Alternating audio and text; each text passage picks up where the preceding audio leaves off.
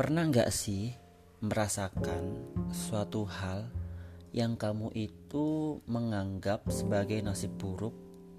Eh, nggak taunya malah awal dari kebangkitan hidup kita. Iya memang sih rasanya sulit untuk menerima sesuatu yang gak enak Menerima sesuatu yang gak nyaman Dan sering muncul rasa dalam hati selalu berkata Kenapa sih hidupku itu gak enak ya? Tidak seenak orang lain Tidak sebahagia orang lain. Yang perlu kamu sadari ketika hal tersebut muncul dan kamu meresponnya dengan tidak baik, maka bisa jadi malah merasa semakin menderita dan nasib malah seolah tidak kunjung membaik. Justru yang ada malah bertambahnya rasa mengeluh serta iri hati. Tapi sebaliknya, Apabila kamu meresponnya dengan ketulusan, dengan baik untuk menerima keadaan, segala hal yang menurutmu mustahil, insya Allah bakal nampak dan bisa diwujudkan. Intinya, jangan langsung berprasangka buruk deh sama Allah. Oke, bisa ya? Aku yakin kalian bisa. Semangat!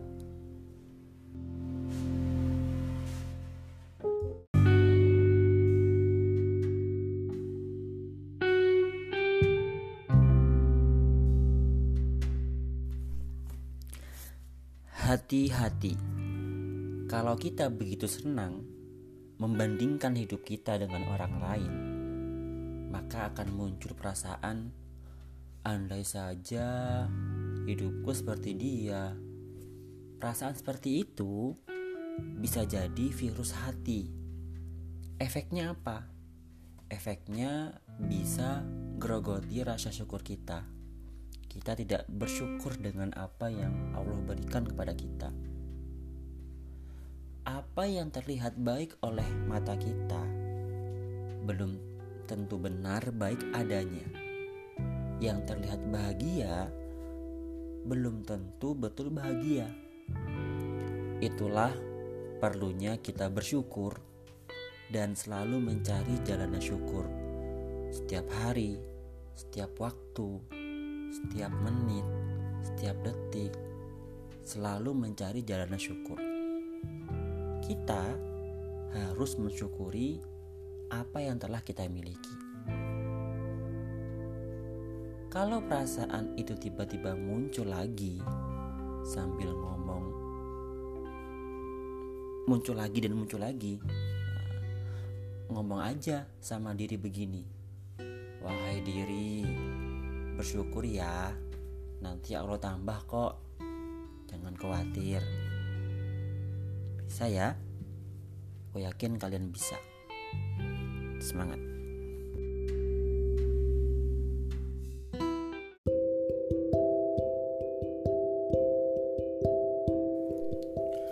Ketika urusan ibadah sudah diprioritaskan, maka mudah bagi Allah mewujudkan impian hambanya menjadi kenyataan. Kadang, manusia memberikan kepercayaan pada sesama manusia cukup kuat juga.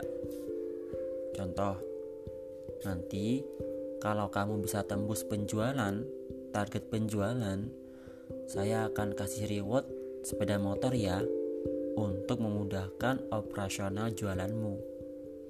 Biasanya, dengan adanya pernyataan seperti itu yang diberikan dari bos ke karyawan, otomatis makin maksimal karyawan tersebut bekerja karena ada yang dituju, ada reward yang akan dia dapatkan. Karena di balik gaji pokok yang didapat, bakalan ada reward yang juga dia dapat, sehingga dia menjadi semangat.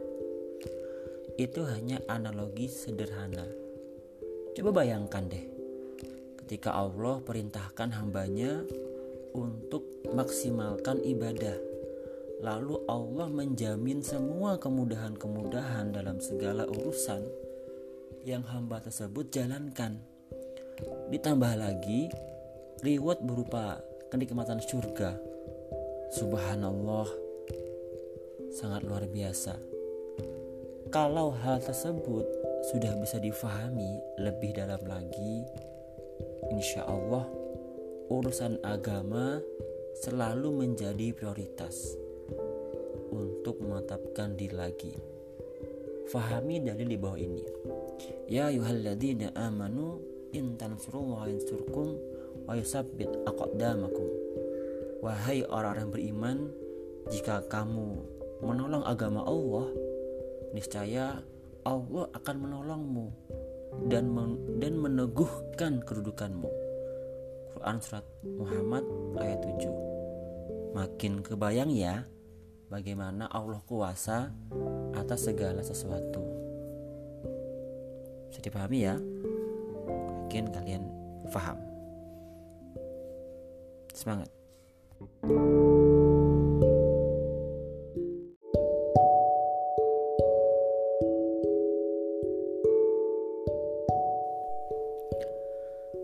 Gak ada yang berat kok kalau kita mau sungguh-sungguh dan tu dan tulus dalam berjuang apalagi untuk orang-orang yang tersayang Bismillah Gak rugi kok berjuang untuk orang-orang yang tersayang apalagi kalau memang posisimu saat ini sebagai tulang punggung keluarga yang seharusnya menikmati masa-masa muda dengan memperbanyak ilmu, semisal kuliah dan mondok. Keadaan menuntut untuk supaya selalu berjuang.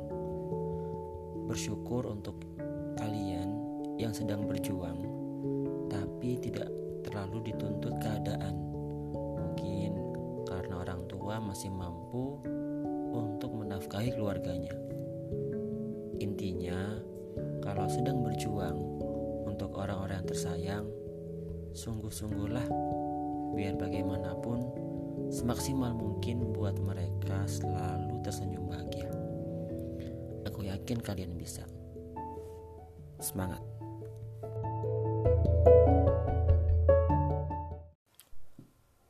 Aku yakin sebaik apa pun pilihan manusia, pilihannya jauh lebih baik dan gak ada ruginya. Juga sebelum memilih suatu perkara, lebih baik kita konfirmasi terlebih dahulu dengannya dengan Allah. Libatkan Allah dalam segala se, dalam segala urusan membuat hati kita lebih ridho terhadap apa pun hasilnya. Ya manusia emang kadang gitu. Kadang tuh dia sok tahu dengan pendapatnya sendiri menganggap semua akan baik-baik saja dengan pilihan yang akan ditetapkan. Padahal dahulu Rasulullah Shallallahu Alaihi Wasallam pernah mengajari pada para sahabatnya untuk istikharah dalam memutuskan segala sesuatu. Tujuannya sederhana, untuk mendapatkan ridhonya. Oleh karenanya, usahakan apa pun pilihannya, entah itu perihal pekerjaan, entah itu perihal perkuliahan, bahkan pilihan perihal jodoh sekalipun. Pesan saya, jangan lupa libatkan Allah. Konfirmasi terlebih dahulu dengan Yang Maha Kuasa. Karena yang kita anggap baik terkadang belum tentu baik bagi Allah. Bisa difahami ya. Semangat.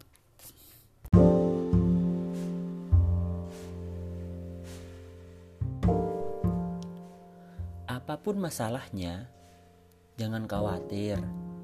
Kesulitan ini gak akan lama. Pasti ada ujungnya. Setelah berakhir, insya Allah akan indah pada waktunya. Jadi, jangan langsung berburuk sangka dengan sang pencipta. Tetap husnuzon bila siapa tahu ini caranya. untuk memberikan yang nggak disangka-sangka. Kita kan nggak tahu ya. Maka ingat firman Allah dalam surat Al-Insyirah ayat 6. Bismillahirrahmanirrahim. Inna ma'al usri yusra. Yang artinya sesungguhnya sesudah kesulitan itu ada kemudahan. Oke, semangat ya. Yakin kalian bisa melewatinya.